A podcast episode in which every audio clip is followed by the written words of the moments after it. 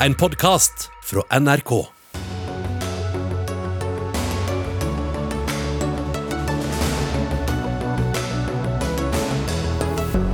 Regjeringens rusreform henger i en tynn tråd, for nettopp nå stemte Arbeiderpartiets landsmøte nei til avkriminalisering av mindre mengder narkotika. Vi må snakke mer om menn når det gjelder ekstremisme, mener studenter som beskylder Politiets sikkerhetstjeneste for å hoppe bukk over temaet i ny rapport. Personene bak Instagram-kontoen eh, Arkitekturopprøret vil endre byggekulturen i Norge. De er nemlig lei av stygge bygninger. Populistisk, sier arkitekt. Og er det lurt å gjøre klimakamp til generasjonskonflikt, slik det gjøres i en ny bok? Vi må heller bygge allianser på tvers av alder, er svaret forfatteren får. Og det får hun i ukas siste Dagsnytt 18. Mitt navn er Sigrid Solund. For mindre enn en halvtime siden ble det klart. Arbeiderpartiet går imot forslaget til rusreform. Det ble solid flertall for å si nei til avkriminalisering av mindre mengder narkotika, da partiets landsmøte stemte over saken rett før vår sending.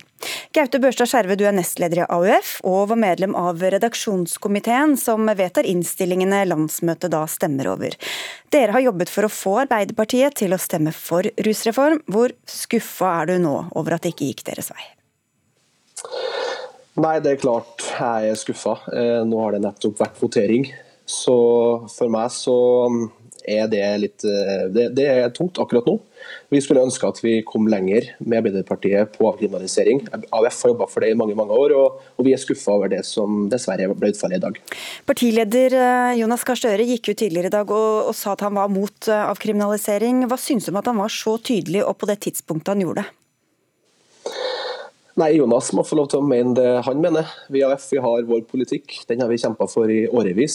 Og vi opplever jo at partiet har bevega seg mange steg fra vi begynte å kjempe for eh, avkriminalisering av narkotika for mange år siden. Eh, så kommer vi ikke i mål. Det er veldig trist. Eh, jeg må si at jeg er skuffa over det, men jeg opplever også at vi har kommet mange steg på riktig vei. så selv om Jonas har erklært at han ikke er enig i avkriminaliseringa, så tror nok jeg at vi opplever det i, i framtida. Men hva tror du det fikk å si at han var såpass tydelig?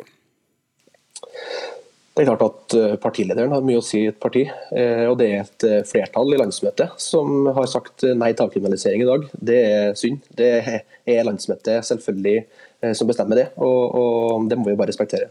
Og Det er mange som er skuffa, flere enn deg på sosiale medier. Er det flere som sier takk for seg, nå er ikke Arbeiderpartiet lenger partiet for dem. Hvordan tror du det blir for dere som var for reformen, å nå drive valgkamp for et parti som er imot? Nei, altså Valgkampen skal vi likevel få til. Eh, I AUF og i Arbeiderpartiet så er det sånn at man, eh, man, vinner litt, man taper litt. Og så er det noen tap som er mer personlige og som er mer eh, vond. Rusreformen er åpenbart en sånn sak. Men jeg føler meg likevel trygg på at jeg skal gå til valg på et godt partiprogram for Arbeiderpartiet. Og så håper jeg å bevege Arbeiderpartiet i riktig retning i rusreformen også fremover. Takk skal du ha, Gaute Børstad Skjerve fra AUF. Vi har med oss to tidligere statssekretærer i Helsedepartementet, begge for Arbeiderpartiet i sin tid, og begge utdannet innen helsevesenet, Tor Dale og Robin Koss. Først til deg, Koss. Du er nå ordfører i Porsgrunn, og du er glad for den avgjørelsen som partiet nettopp eh, tok. Vi har jo diskutert innholdet i rusreformen flere ganger hos oss i Dagsnytt 18. Hvorfor var det riktig for et parti som Arbeiderpartiet å stemme mot?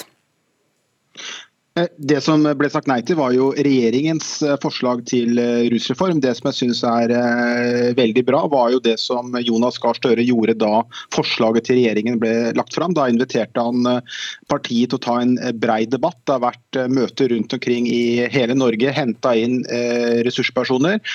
Og landsmøtet har nå klart å samle seg med et overveldende flertall om et veldig bredt og helhetlig forslag, hvor man er eh, tydelig på at man skal hjelpe, ikke straffe de som er eh, tungt rusavhengige, men samtidig at man fortsatt skal spille på lag med eh, politiet. At man skal hjelpe ungdom ut av narkotika. En høy terskel inn og en brei port ut. Ok, Jeg vet ikke helt om det var svar, men Tore Dale, du var der på den andre siden. Hvor skuffa er du nå?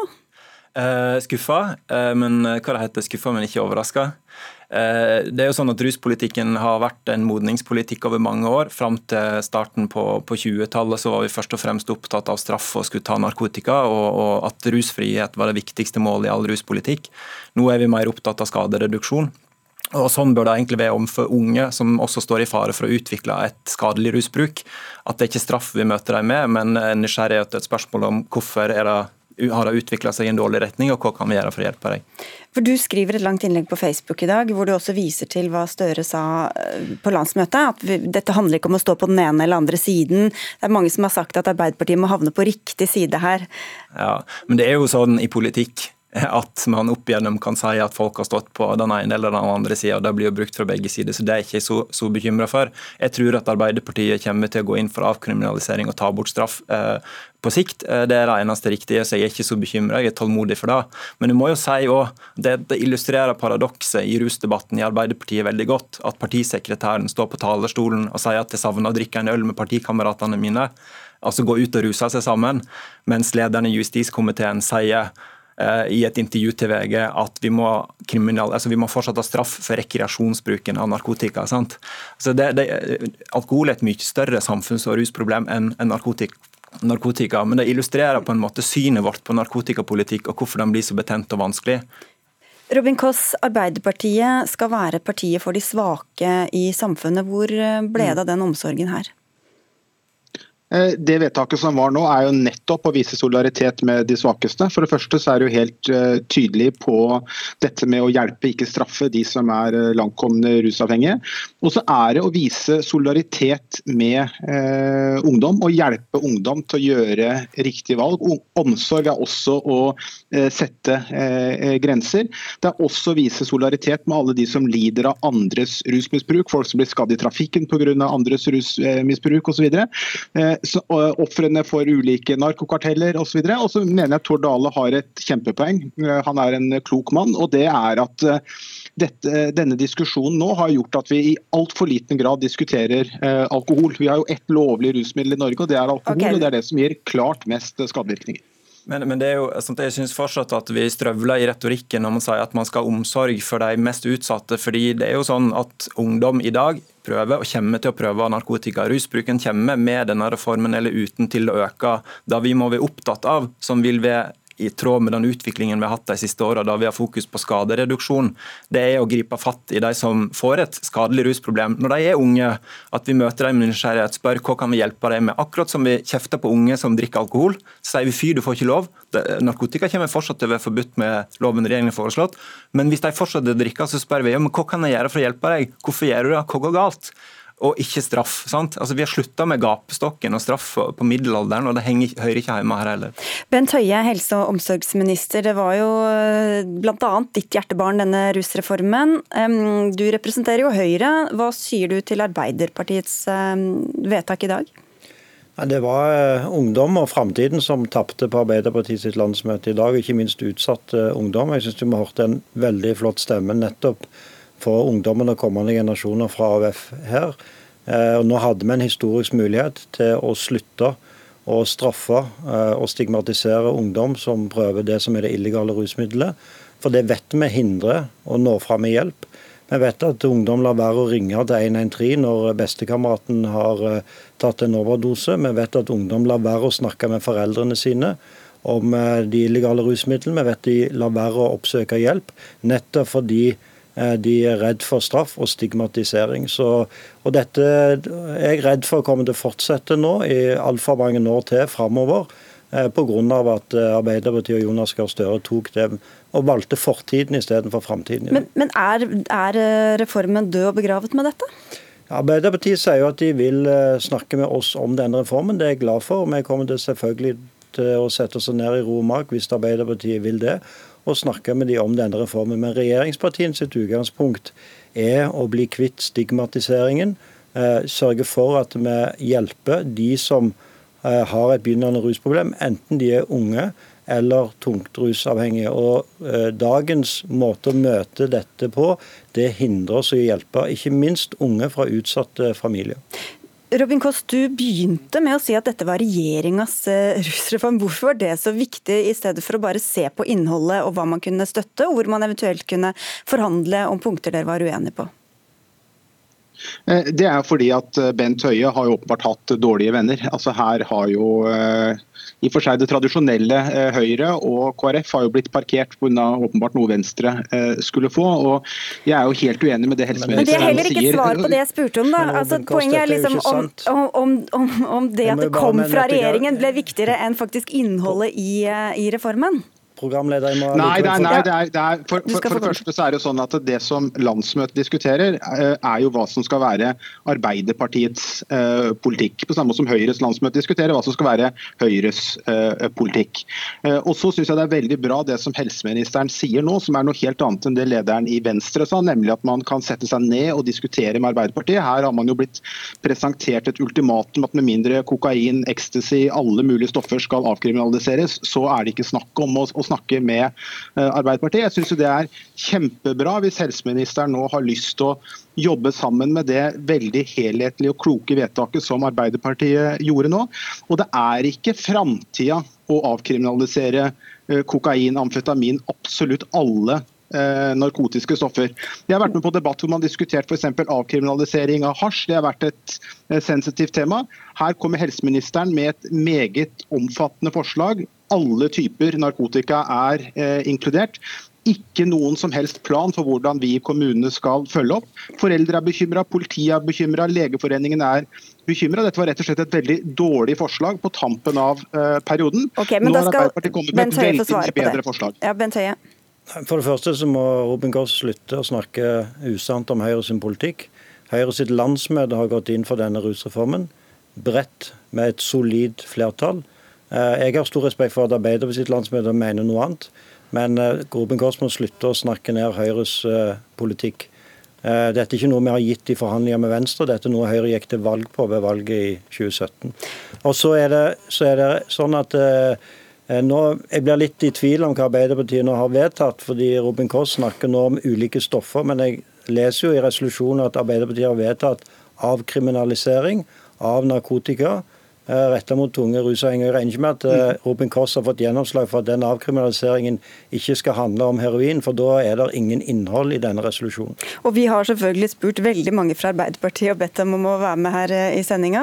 Vi har ikke fått ja fra noen foreløpig, men det kan hende vi kommer med noen litt seinere. Men helt til slutt her, Tore Dale, du tror altså at det kommer til å endre seg på sikt også for Arbeiderpartiet? Ja, fordi historien forteller oss da Astrid Slettavag, som var en norsk rusforsker som forska på utviklingen av ruspolitikk, politikken har vist hvordan det har vært et modningsspørsmål og beveget seg over tid. I 2011 så sa Arbeiderpartiet nei til f.eks. at man skulle tillate heroin i behandling, men i 2015 så gikk landsmøtet i Arbeiderpartiet eh, inn for det samme.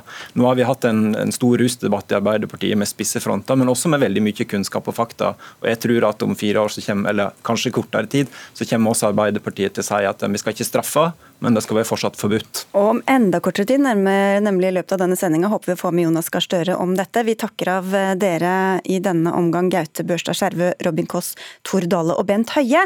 Det ble altså nei fra Arbeiderpartiet. Hva får det å si for dem, og hva får det å si for rus? Reformen. Eirin Eikefjord, politisk kommentator i Bergens Tidende. Veldig overraskende var vel kanskje ikke dette resultatet? Nei, det var ikke det. Og særlig ikke når man så hvordan splittelsen i redaksjonskomiteen var. Den representerer jo òg eh, de større linjene i partiet. Men likevel så var det et ganske stort mindretall som, eh, som ville gå inn for reform. Eh, og det gjør jo at jeg tror at tiden jobber for en rusreform. Ehm, problemet er jo at det var et historisk momentum i Stortinget nå, der Arbeiderpartiet ville avgjøre denne saken. Senterpartiet og Frp er ute av regjering begge to, og KrF er bundet av regjeringsplattform. Så det var jo et sånt eh, et momentum rett og slett som man kanskje ikke lenger har til høsten. Magnus Takvam, politisk kommentator du har, og NRK. Du har fulgt både debatten og Arbeiderpartiets eh, landsmøte. Det er jo mange som er opptatt av denne saken, men er det, er det en viktig sak for Arbeiderpartiet, eller er det først og fremst viktig for alle som er opptatt av rusreform? Det er jo en eh, viktig sosialpolitisk reform og en viktig debatt. Temaet rus berører veldig mange familier. Jeg tror de aller fleste på en eller annen måte har berøring med det. Men saken har vel på en måte, slik hvert fall en del i Arbeiderpartiet forteller meg, kommet bakpå Arbeiderpartiet, og at debatten der er preget av at det ikke er partiet selv som på en måte eier reformen og som har, har lagt den fram. Og er, Jeg tror det er riktig det Eikvjord sier her, at det er en modningssak, og at nå var rett og slett ikke partiet eh, åpenbart moden til å gå inn for en avkriminalisering. Bent Høie spurte hva Arbeiderpartiet egentlig har gått inn for, kan du oppklare det? Ja, altså det de peker på er det prinsipielle skillet mellom å avkriminalisere eller gjøre det straffritt for tunge rusmisbrukere, mens andre brukere eh, skal møte straff. Eh, og hvordan det skal skje, hvordan man skal skille eh, de gruppene fra hverandre, det vet ikke Arbeiderpartiet. Det peker de på skal utredes. Og Det betyr i praksis eh, at det blir ikke noe lovvedtak i Stortinget denne våren som kan avklare det. Så neste regjering, hvordan den nå enn kommer til å se ut, vil, vil, få dette i fanget, sånn som jeg forstår det. Og nettopp hvordan man skal skille mellom de såkalt tunge og de rekreasjonsbrukerne her i Eikefjord, var vel også noe Vestland Arbeiderpartiet var veldig opptatt av? Ja, og Vestlandet har jo vist seg som en veldig progressiv kraft i dette spørsmålet, og har gått eh, tungt inn for reform. Og særlig da bergensordfører Marte Mjøs Persen, som har markert seg i debatten og i redaksjonskomiteen med sin dissens. Og Hun er veldig tydelig på dette med at det er helt umulig å lage dette skillet. Det er ikke sånn at det er svart-hvitt, at du kan putte tunge rusmisbrukere i én bås, og så kan du putte festbrukere i en annen bås, og så kan du behandle de helt forskjellig. Eh, og Det syns jeg er et veldig gyldig poeng. og det, det er en spagat de står i der som verken juridisk eller praktisk er lett å løse. Mm. så er det jo sånn at også Unge brukere kanskje bruker rus som selvmedisinering for traumer eller overgrep, selv om de kanskje går på fest og bruker dop der. Så det skillet de har nå lagt opp til, det er problematisk på mange måter. Mm. Hvordan preget det debatten Magnus Takvam, at Støre var så tydelig eh, fra talerstolen i dag? Det, det, ble jo lagt eh, merke til, og det er klart han la hele tyngden sin som partileder inn her. Og det viste jo at det var viktig for, for han å få flertall. Eh, men samtidig som, så var det jo et betydelig mindretall her som viser at det er et delt parti. Og eh, det problematiske er for Arbeiderpartiet her og nå, føler jeg, at denne saken jo da overskygger veldig mye annet av eh, partilandsmøtet ved starten av en valgkamp i et viktig, i et uh, avgjørende valg. Så det, det, er en negativ side av det hele. Og så går den inn og bekrefter litt av den spenningen som er i Arbeiderpartiet mellom storbyarbeiderpartiet og distrikts- og tradisjon, det tradisjonelle Arbeiderpartiet. og Det tror jeg også er er noe de ikke ønsket seg. Ja, For de er mer positive i byene enn det de er eh, rundt i distriktene. Eh, vi hørte AUF eh, si at det ikke hadde så mye å si, eller trodde ikke at det fikk så mye å si for valgkampen inne Eikefjord. Men, og det er kanskje vanskelig å si hvor, hvor mange folk det viser jo også målingene litt ulikt som er for og mot rusreform. Men hvordan blir det f.eks. da for Arbeiderpartiet i Bergen og resten av Vestlandet å skulle drive valgkamp med dette så friskt i minne? Ja, det, er nok en del skuffa folk eh, her akkurat nå.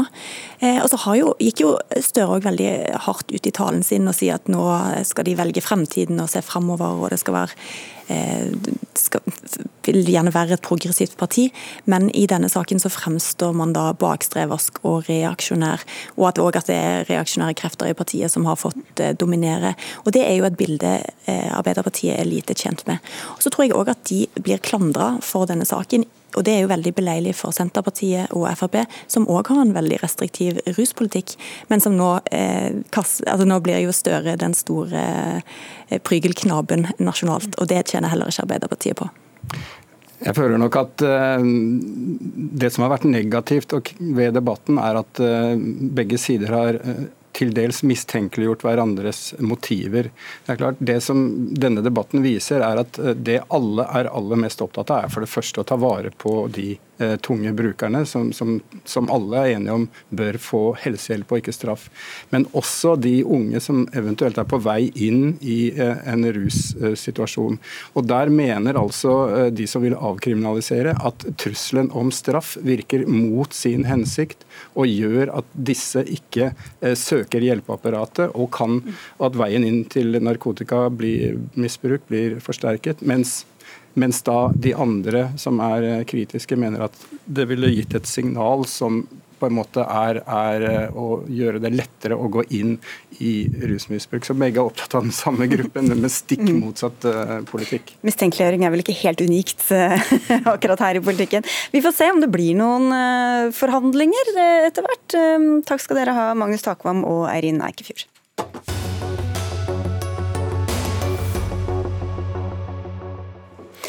Seinere i Dagsnytt 18 skal det handle om klimakamp på tvers av generasjoner, men nå til et fenomen som har fått mye oppmerksomhet de siste dagene. For på kort tid har Instagram-kontoen Arkitekturopprøret i Norge fått over 45 000 følgere. På kontoen legger de ut bilder av hvordan bygninger så ut før, og hvordan de ser ut nå, ofte med skriften 'Vi lot dette bli til dette'. Kontoen engasjerer mange, også deg, men eh, ikke så fryktelig positivt. Eh, Camilla Moneta, du er fagsjef i Norske arkitekters landsforbund. Hva er problemet med kontoen, sånn som du ser det? Ja, Problemet med kontoen eh, er jo egentlig at den tar for seg fasader og følelser og forenkler en veldig viktig debatt. Ehm, fordi arkitektur er jo mye mer enn det vi umiddelbart ser, og det vi umiddelbart tror er et svar. Det er kjempekomplekst. Vi skal svare på samfunnsbehov, vi skal svare på menneskelige behov. Vi skal svare på um, den tiden vi står i og de, de, fremtidige behovene vi har. sånn at det å begynne å bare snakke om form og buer og ornament, det blir for oss uh, veldig enkelt.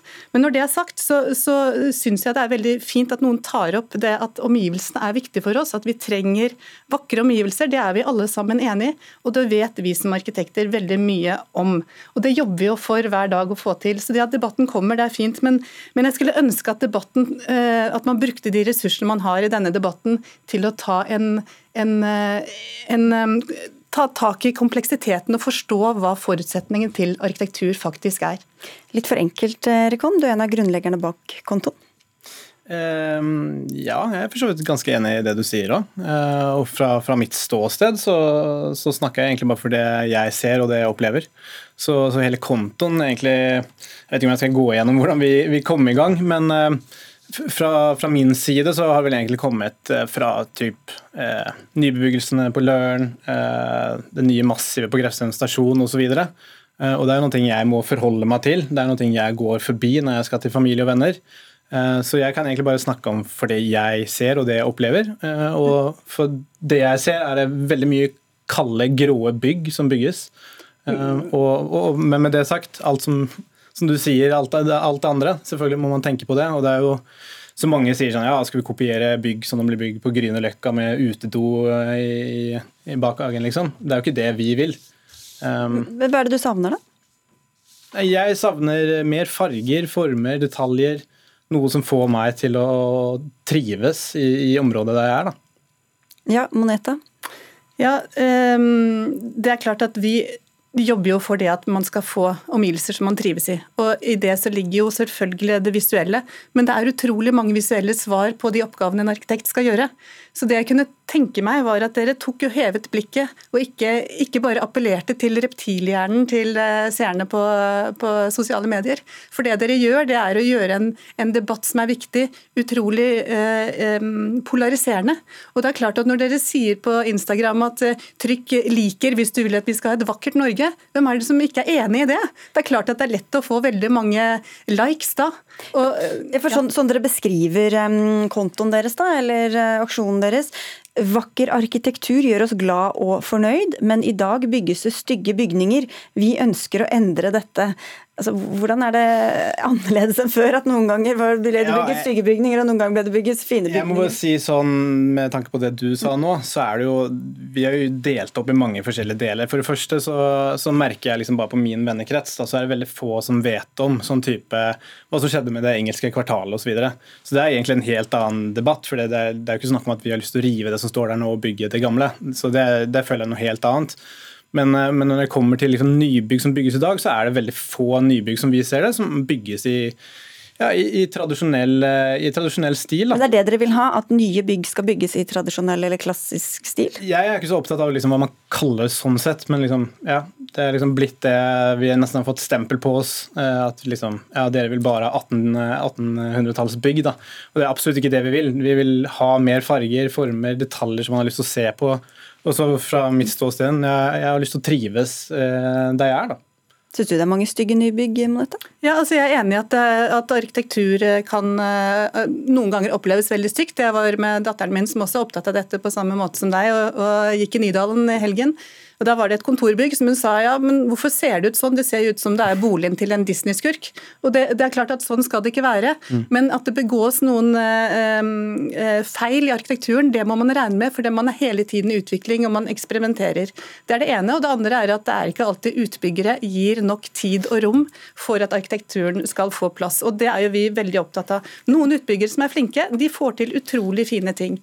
Jeg tenkte vi skulle komme litt tilbake til det, men Hva som er stygt og hva som er fint, er vel en, en smakssak. Hva er det dere legger til grunn? Hvilke kriterier er det dere ser til når dere deler opp bygninger i stygge og fine? Eh, nei, som sagt, det er liksom fra mitt ståsted hva, hva, Jeg har ikke lyst til å være en smaksdommer i meg selv og liksom si hva jeg synes er pent og, og stygt. men litt tilbake til hvorfor jeg starta og hjalp til arkitekturopprøret med, med Instagram-siden. For det arkitekturopprøret er jo ikke noe nytt, det er noe som har vært veldig lenge. Det er en Facebook-gruppe, og før den tid igjen så er det noe som starta i Sverige for mange mange år siden. Eh, så det var litt sånn at det, ja, begeret rant over for meg for et par måneder siden, egentlig, når jeg så hva som ble bygd på Løren og, og Grefsen.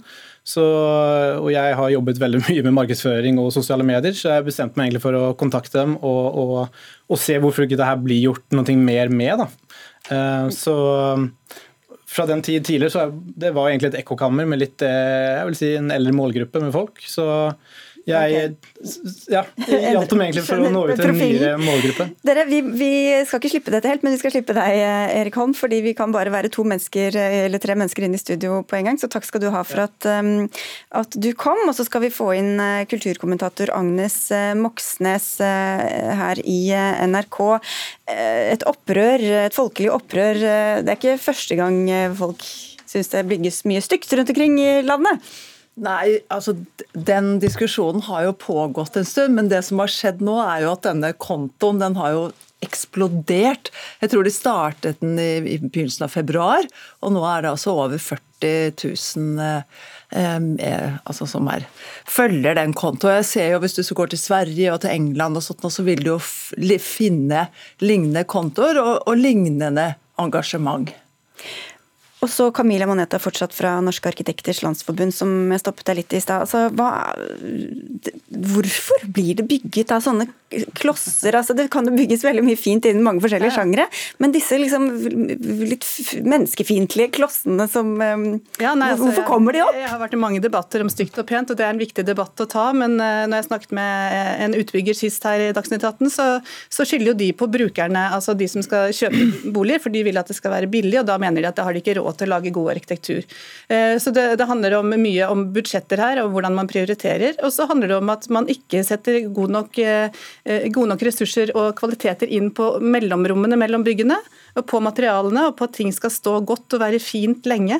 Ehm, så, så, det er utrolig mange krefter som er i spill når man skal lage arkitektur, og her er det ikke alle kreftene som spiller like godt sammen bestandig, og det er jo synd. Og Kommunene kan også bruke skjønnhetsparagrafen i plan- og bygningsloven mye mer aktivt for å sette noen krav til utbyggere. Skjønnhetsparagrafen, ja, den visste jeg ikke at fantes engang.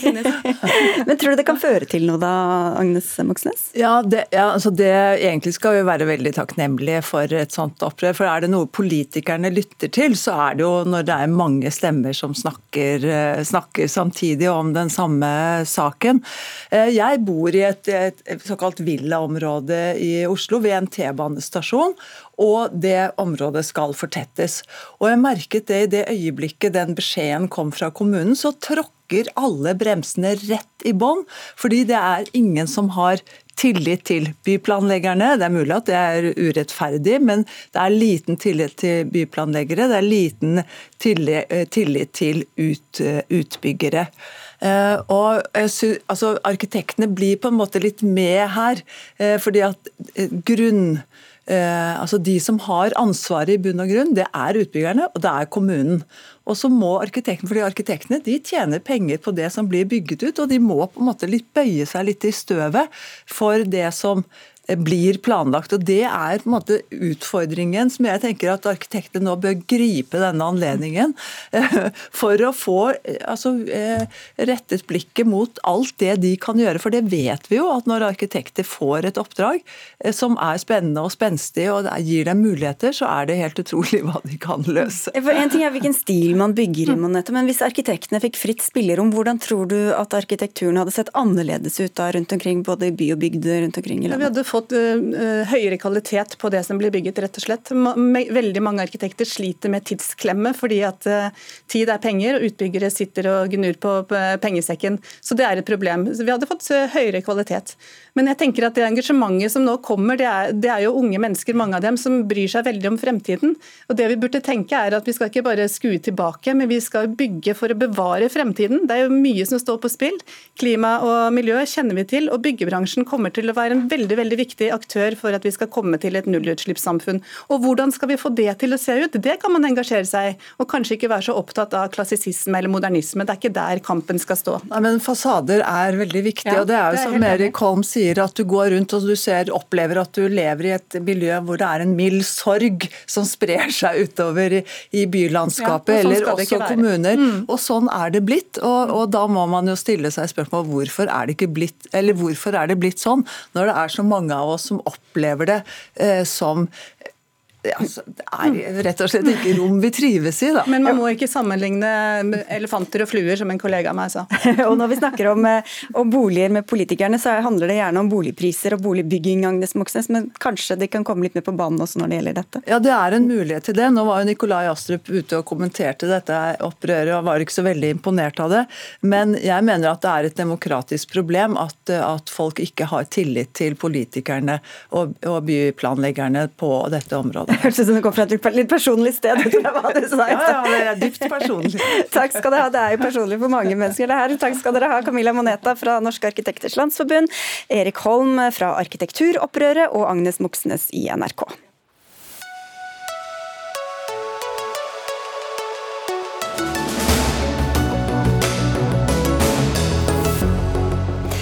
Med avlyste eksamener blir standpunktkarakteren ekstra viktig for elevene i videregående skole.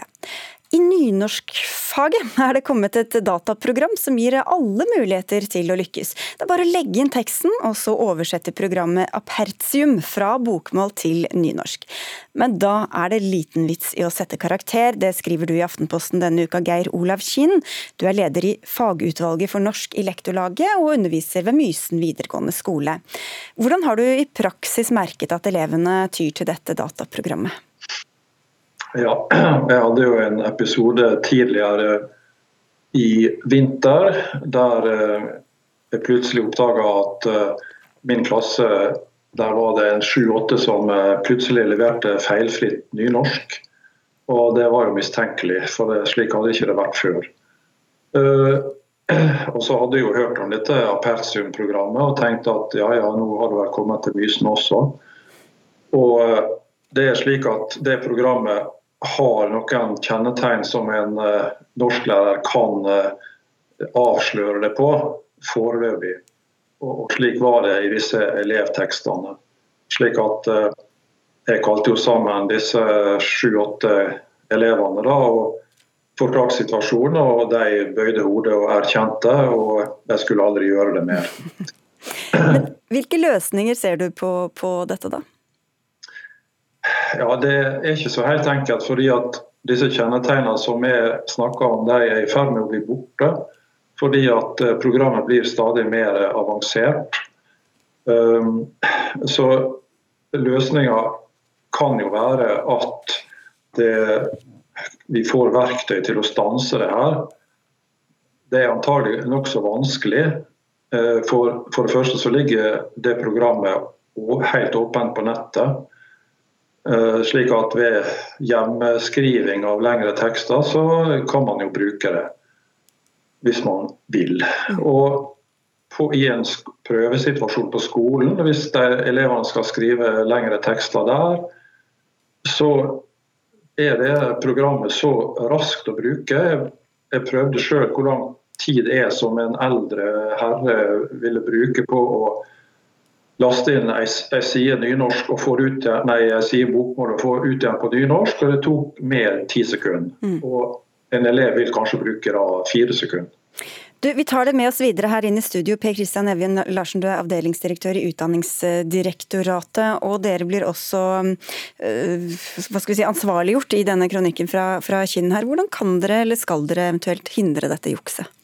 Ja, først så vil jeg si at eh, Vi forstår utfordringen læreren står i godt når teknologien endrer seg så raskt som nå.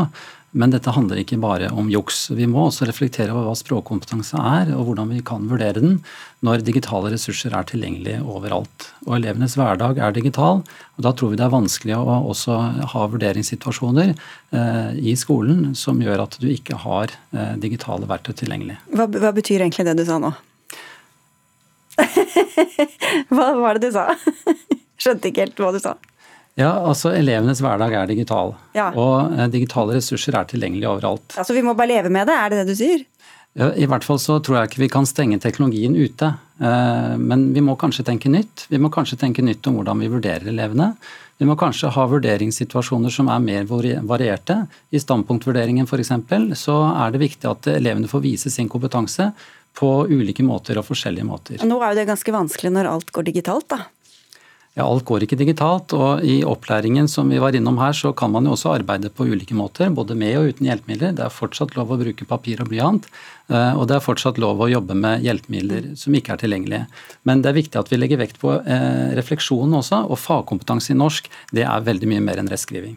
Du skal få ordet Kinn, men vi skal bare få inn en tredjeperson her. fordi du, du, peker jo på, på Utdanningsdirektoratet, men du peker også på alternativt, en alternativ løsning, nemlig å kutte karakteren i sidemål. Det er ikke du så begeistret for, Peder Loftnes Hauge. Du er leder i Norges Mållag. Du skriver at dette er altfor lettvint, skriver du i Aftenposten. Hva mener du med det? Med det mener jeg at Dersom problemet er at elever kan jukse i skriftlig sidemål, så kan faktisk ikke løsninga være å slutte å gi karakter. Det er en logikk som blir framført av Norsk Lektorlag som ikke eh, jeg har hørt i alle fall, eh, overført til andre fag. Da må vi finne nye måter å gjennomføre underveis og sluttvurdering på. Så her opplever jeg jo at Utdanningsdirektoratet er på en langt mer positiv og framtidsoptimistisk linje enn det Norsk Lektorlag velger å legge seg på. Det er klart at Språkteknologi, digitale hjelpemidler, det påvirker lese- og skriveopplæringa og vurderinga.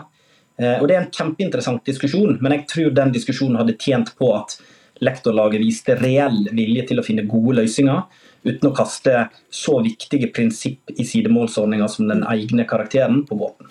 Jeg vet ikke om du snakker på vegne av Norsk Lektorlag som sådan, Geir Olav Kinn, men det høres ikke ut som noen av de skisserte løsningene dine faller i god jord hos våre to andre gjester her? Eh, jeg snakker i hvert fall på vegne av eh, fagutvalget i Norsk Lektorlag, for vi er enige om det her.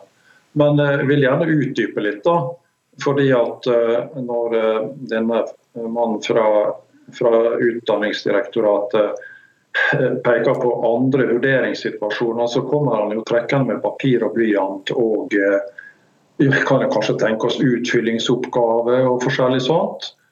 Men elevene skal faktisk skrive lengre tekster eh, ifølge læreplanen.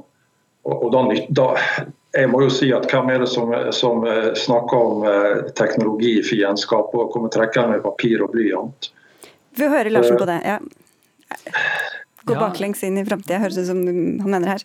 Ja, altså Svikter svaret på innhold, så mener vi at teknologien hjelper lite. Eleven skal jo ikke bare uttrykke seg med rettskriving. Du skal svare presist og relevant, du skal vise fagkunnskapene dine, du skal bygge eh, tekster med struktur, du skal ha godt innhold i faget. Og vi har eh, nye læreplaner nå som legger vekt på utforsking i faget, vekt på refleksjon i faget.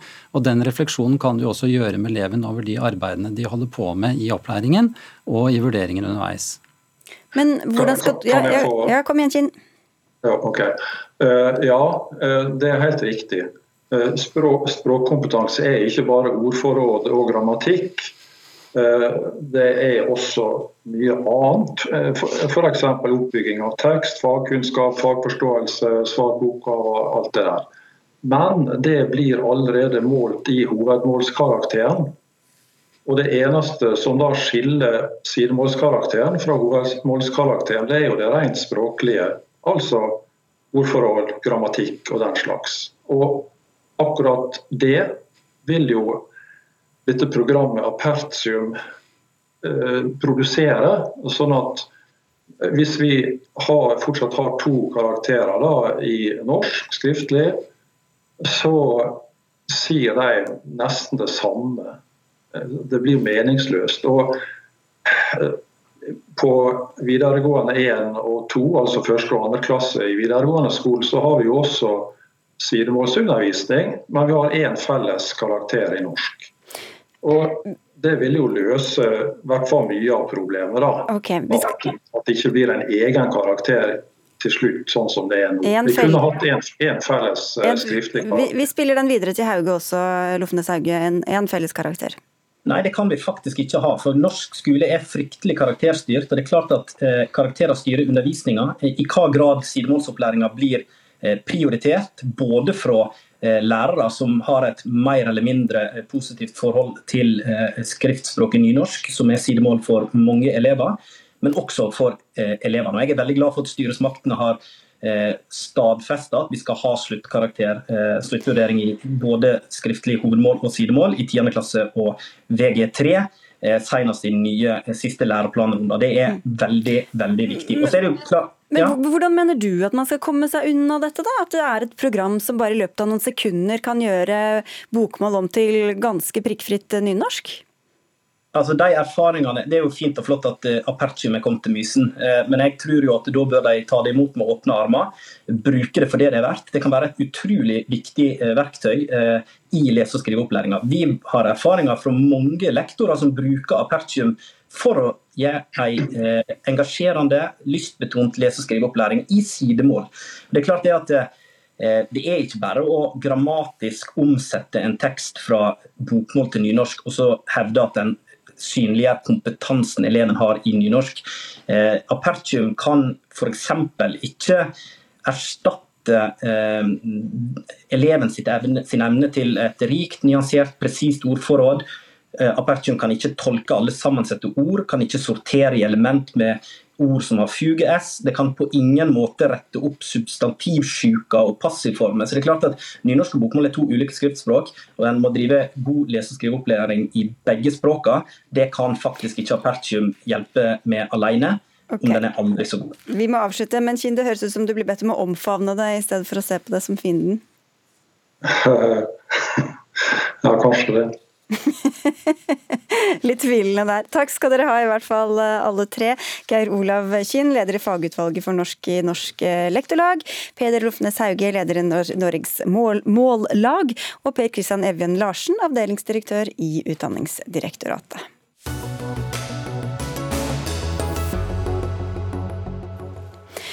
Er Politiets sikkerhetstjeneste klar over sammenhengen mellom kjønn og terror? Det skal vi finne ut av nå. For i mars publiserte PST rapporten 'Dataspill, selfie-jihad og livestreaming av terrorangrep'. Hvordan ekstreme digitale nettverk påvirker terrortrusselen i Vesten og Norge. Der kom det fram at terrortrusselen i årene framover hovedsakelig kommer fra enkeltpersoner, og at disse er knyttet til ekstreme nettverk og miljøer på nettet. Og da tilbake til spørsmålet hvor blir det av kjønnsperspektivet? Det er du som spør, eller i hvert fall en av dem, Olav Rosnes. Du er researcher i Fringe, et nettverk av nåværende og tidligere studenter i statsvitenskap ved Universitetet i Oslo. Og i samarbeid med Senter for ekstremismeforskning har du skrevet en masteroppgave om maskulinitet og høyreekstremisme på internett og skriver i Subjekt at PST ikke fokuserer nok på kjønn i denne rapporten. Hvorfor burde de gjort det? Mm. Eh, det er et godt spørsmål, og jeg tror eh, det handler om hvordan Altså hvem som er, eh, hvem som er i disse nettverkene som PST snakker om, og hvem som blir radikalisert, og hvem som utfører vold. Da ser vi i gang på gang på gang at det er hovedsakelig menn, og det er også hovedsakelig en type menn. Gjerne de som er litt marginalisert, de føler på utenforskap, de faller utenfor arbeid, jobb, de faller utenfor skole. De passes kanskje ikke inn i riktig vekt, riktig høyde, sånne ting. Som gjør at det er um, veldig lett å bli dratt inn i dette miljøet og dette brorskapet da, som man kan oppleve i disse nettverkene. Men Hva kunne det hatt å si da, dersom dette var et tydeligere, mer uttalt eh, perspektiv? Dette, at her er det menn vi snakker om? Mm. Jeg tror det hadde uh, gjort veldig mye for hvordan vi forstår ekstremisme og radikalisering i Norge. At jeg føler uh, ganske sterkt at vi trenger en, uh, en, større debatt på dette på et uh, nasjonalt plan. og mm. Siv Sørensen, analytiker i PST. Hvorfor er dere ikke tydeligere, mm, mer uttalt på dette kjønnsperspektivet? Nå må jeg bare si at Den rapporten som man sikter til her, dette er en kort fenomenrapport som kun adresserer dette med digitale subkulturer i en veldig konsis og komprimert form. Vi har jo snakket veldig mye om maskulinitet og sårbarhetsfaktorer faktisk i soloterrorarbeidet og radikaliseringsprosjektene. Så angir vi jo kjønnsperspektivet ganske mye. og Jeg vet ikke om du har hørt på den podkasten vi lanserte før jul, for der snakker jeg jo inngående om hvordan eh, eh, terror kan forstås som en gjenopprettelse av ære og maskulinitet. Og vi går jo gjennom de ulike sårbarhetsfaktorene og eh, kriminalitetsforekomster osv så, videre. så Det handler jo om at i, vi har dekket det fenomenet så til de grader i de andre produktene vi har laget, i de eh, grunnlagsrapportene våre. Sånn at en kort fenomenrapport som i dette akkurat i dette perspektivet så, så, var jo målsetningen å nå veldig spesifikt ut til publikum og våre beslutningstagere med forståelse om hvordan de digitale subkulturene i seg selv fungerer radikaliserende, hvordan de kan dehumanisere um, større grupper. Men, hvis dere er så opptatt av kjønnsperspektivet ellers, hvorfor ikke da? Hvorfor var det ikke viktig nok til å komme med i denne korte rapporten, da? For den beskriver jo kun de digitale subkulturene. Og selv om vi i denne rapporten um, for så vidt går inn på at det er overlapp mellom de digitale digitale miljøene og de fysiske miljøene, så har vi vært ganske spesifikke på at i, i radikaliseringsundersøkelsen så sier vi at det er om lag 88 eh, ekstreme islamister, og om lag 86 eh, av de høyreekstreme som er menn. Eh, og Svenskene finner omtrent nøyaktig det samme. sånn at tallene finnes der. Men innenfor de digitale rommene så har vi på en måte ikke angitt noe størrelsesforhold, fordi at det er vanskelig å angi for en bruker. Bak en bruker så kan det være um, altså en, en person kan f.eks. ha flere brukere, og det er ikke nødvendigvis like lett å angi kjønn digitalt. Rosnes, det høres ut som de er opptatt av det, da? Ja, absolutt, og det, det tror jeg er veldig viktig. Eh, likevel syns jeg eh, det kunne kommet eh, gjerne litt eh, bedre frem. Eh, og jeg tror også det er veldig mye som fortsatt blir, eh, blir oversett. og jeg vet PST har kanskje ikke fått kritikk akkurat på dette, men de forskerne jeg, har snakket med, også, at det, er veldig lett, lett å overse. og at, ja, at man er rett og slett bekymret for at, at disse Hva skal man si? Ja, at man, at man rett og slett følger, følger, med. At uh, man er klar over at det skjer. altså Disse veldig sterke følelsene innad i bevegelsen. Altså, og hvordan spesielt da sammenhengen mellom maskulinitet og vold opptas, f.eks. Også det at man kan bruke vold som en måte å og ta tilbake sin maskulinitet. Og, og Vi har eh, et eksempel på det. òg. jeg skrev jo oppgaven min om, om Philip Manshaus uh, og sammenlignet ham med Brenton Tarrant, uh, to terrorister, og, og, hvordan de ble oppfattet i, i bevegelsen som helt uh, forskjellig, og fikk støtte basert på hvordan volden ble utført, og, og hvor mange drepte. Mm. Ja, og det, det, besvarer jo vi jo faktisk i den rapporten og i eh, podkastene våre, som det også er mulig å lytte til på pst.no. men, men, er det en del av det aktive, eh, altså forebyggende mot radikalisering? Er vi Ja, ja. ja. Mm. Absolutt. Og mm. det er kjempebra. Vi støtter jo veldig den type forskning. Og jeg syns det høres ut som en veldig bra masteroppgave du har laget. Um, virkelig, Vi har jo bred kontakt eh, både nasjonalt og internasjonalt med, med ulike forskermiljøer. Så vi, vi uh, støtter oss jo mm. og kalibrerer oss og, veldig opp mot det som produseres også utenfor tjenesten. Mm. Men når du sier at, at, at, det er så dominert av menn, så syns jeg det er litt uh, rart at på en måte det ikke kommer fram det, det, nærmeste er på en måte sosiale posisjoner, eller som dere skriver i rapporten. Da. Det synes jeg er litt rart. Litt av utfordringen for oss er jo det at vi må hele tida eh, ha bildet på et veldig sånn ny, eh, ny, altså Det kan endre seg veldig fort. Her, ny, forleden så ble det jo arrestert en 18 år gammel fransk jente som hadde planlagt et terrorangrep. Så vi, vi kan på en måte ikke kun fokusere på menn, vi må passe på at vi hele tiden dekker spekteret av mulige nye trusler. Og da vet vi men nesten avslutte, da vet vi at alle som er interessert i dette, kan gå inn og høre på denne podkasten, eventuelt lese din eh, master, eller hovedfagsoppgave, eller hva det heter for noe nå. Takk skal dere ha begge to, Olav Rosnes og Siv Sørensen fra PST.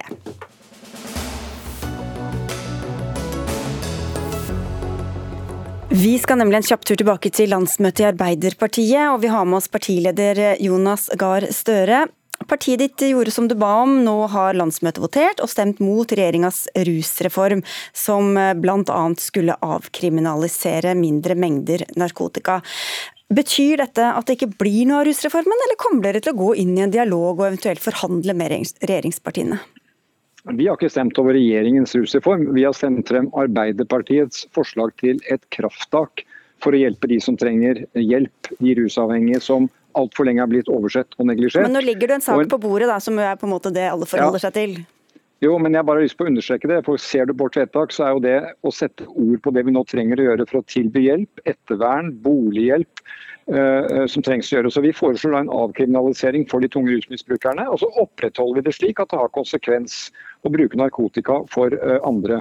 Uh, dette er et bra vedtak, det er et solid flertall, og vi går selvfølgelig til Stortinget for å arbeide for det. For Norge trenger en rusreform. Det er Arbeiderpartiet i programmet sitt, og vi er klare til å snakke med de som vil være med å bidra til det. Og Hvilke kriterier har dere da satt for hvem som regnes som tunge rusmisbrukere som skal få hjelp, og hvem som ikke er det, som da skal få straff? Ja, Det må vi altså jobbe mer med. Både med det rettslige perspektivet, hvor jo eh, tidligere riksadvokaten og andre har sagt at det er mulig å ha ulike reaksjoner for folk i ulike situasjoner. Eh, og selvfølgelig samarbeid med helsevesenet for å kunne konstatere hvem som er i den situasjonen. Jeg tror ikke det er så veldig vanskelig å kartlegge det. For det er jo snakk om mennesker som får livene sine ødelagt, som kommer fra et veldig vanskelig utgangspunkt, og som selvfølgelig ikke at det skjer i dag, men som ikke rettsvesenet skal jage etter, men som helsevesenet ikke bare skal snakke om at de skal hjelpe, men de skal faktisk være der med hjelp. Og Arbeiderpartiet har 150 ordførere og politikere over hele landet som ser at her er det store mangler. Det trengs mer ressurser for at vi kan levere, ikke bare fine ord. Dere har også en del stortingsrepresentanter som da etter hvert må faktisk forholde seg til dette forslaget fra regjeringen. og Hvor bundet er de av det vedtaket dere har gjort på deres landsmøte nå? Landsmøtet er jo vårt høyeste organ, så det legger jo føringer for hva vi skal mene i Stortinget. Og det var naturlig. De har sittet i syv og et halvt år, og så kommer det da en reform fra en splittet regjering. Eh, eh, da var det naturlig at vi tok det på landsmøtet, fordi det lå rett rundt neste sving. og Det er et stort og viktig spørsmål, og nå tar vi det med oss til Stortinget. Og Så blir det behov for å jobbe med det også inn i neste storting, for dette er ikke en sånn veldig kjapp løsning. Men dere var jo også ganske splittet da. Det var jo over 100 stykker som stemte for å avkriminalisere, og lurer på hvordan dere skal ha troverdighet når det gjelder omsorgen for de svakeste i samfunnet, når dere stemmer mot avkriminalisering også av små mengder narkotika. Altså, Vi stemmer for at det skal ha konsekvens å være i besittelse av narkotika. Vi skal ha solidaritet med unge mennesker som vi ikke vil ha inn i narkotika.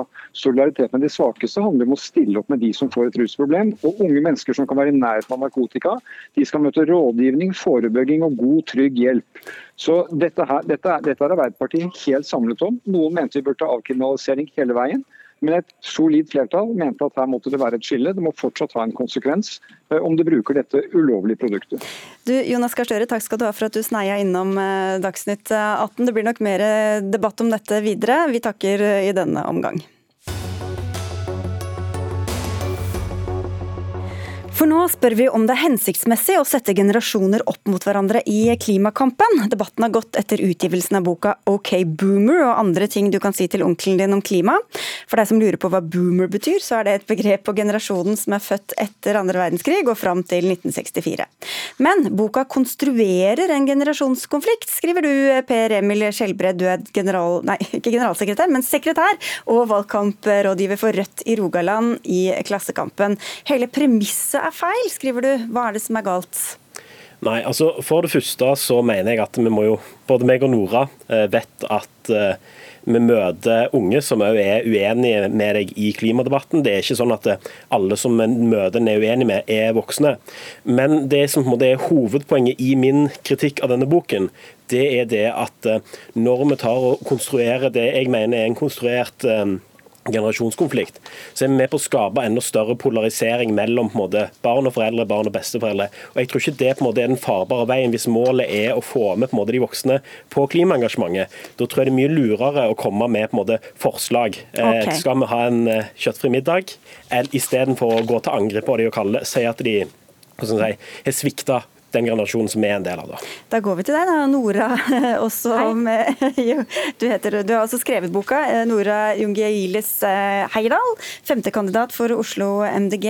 Hvorfor skal man sette opp sånne skiller eller motsetninger mellom generasjonene her? Ja, um poenget med min bok har vært å uh, lage en slags uh, hakkespettbok for uh, ungdommer som er i familieselskap, og så er det noen som slenger ut elbil er faktisk mye verre enn dieselbil. Og så vet du åh, det er jo feil, men jeg har glemt hvordan var det der igjen. Og så har jeg satt sammen en del argumenter, fakta, og en del om hersketeknikker. Hva kan man gjøre hvis noen himler mye med øynene? Det er, eh, det er, sånn at Én av ti barn har opplevd eh, mobbing pga. klimaengasjement. og I aldersgruppen 16-18 år for jenter så er det én av fem. Og eh, Da har jeg konkretisert det ved å snakke om liksom, når du er i familieselskap og er med onkelen din, så kan du gjøre sånn her og sånn her. Og Da gjør jeg det av to grunner. som er at Eh, den første er at menn er mindre eh, klimaengasjert enn kvinner, derav onkel. Og den andre er at vi har ganske mye forskning som viser at de yngste er aller mest endringsville, tror aller mest på klimaendringene og er mest opptatt av å ja, i det hele tatt ta dette på alvor. da, Sammenlignet med eldre aldersgrupper, som i, de, altså, som i alle undersøkelser eh, i snitt og jeg må legge vekt på dette, Det er mange som er helt fantastiske og gjør en kjempeinnsats, men i snitt så er de voksne mye mindre opptatt av dette enn oss. og Det er jo helt naturlig, fordi det er vi som kommer til å oppleve de aller verste konsekvensene. Ja, Dette er jo rett og slett statistikk, da, Skjelbred, at klimaengasjementet er ujevnt fordelt. Hvorfor ikke peke på det? Jo, men altså, det er Den samme statistikken hvis du ser på klimabarometeret viser jo at klima er en viktig sak for alle aldersgrupper. Enten du er på en måte i de yngste, den mellomste eller den eldste i klimabarometeret sin på en måte, inndeling.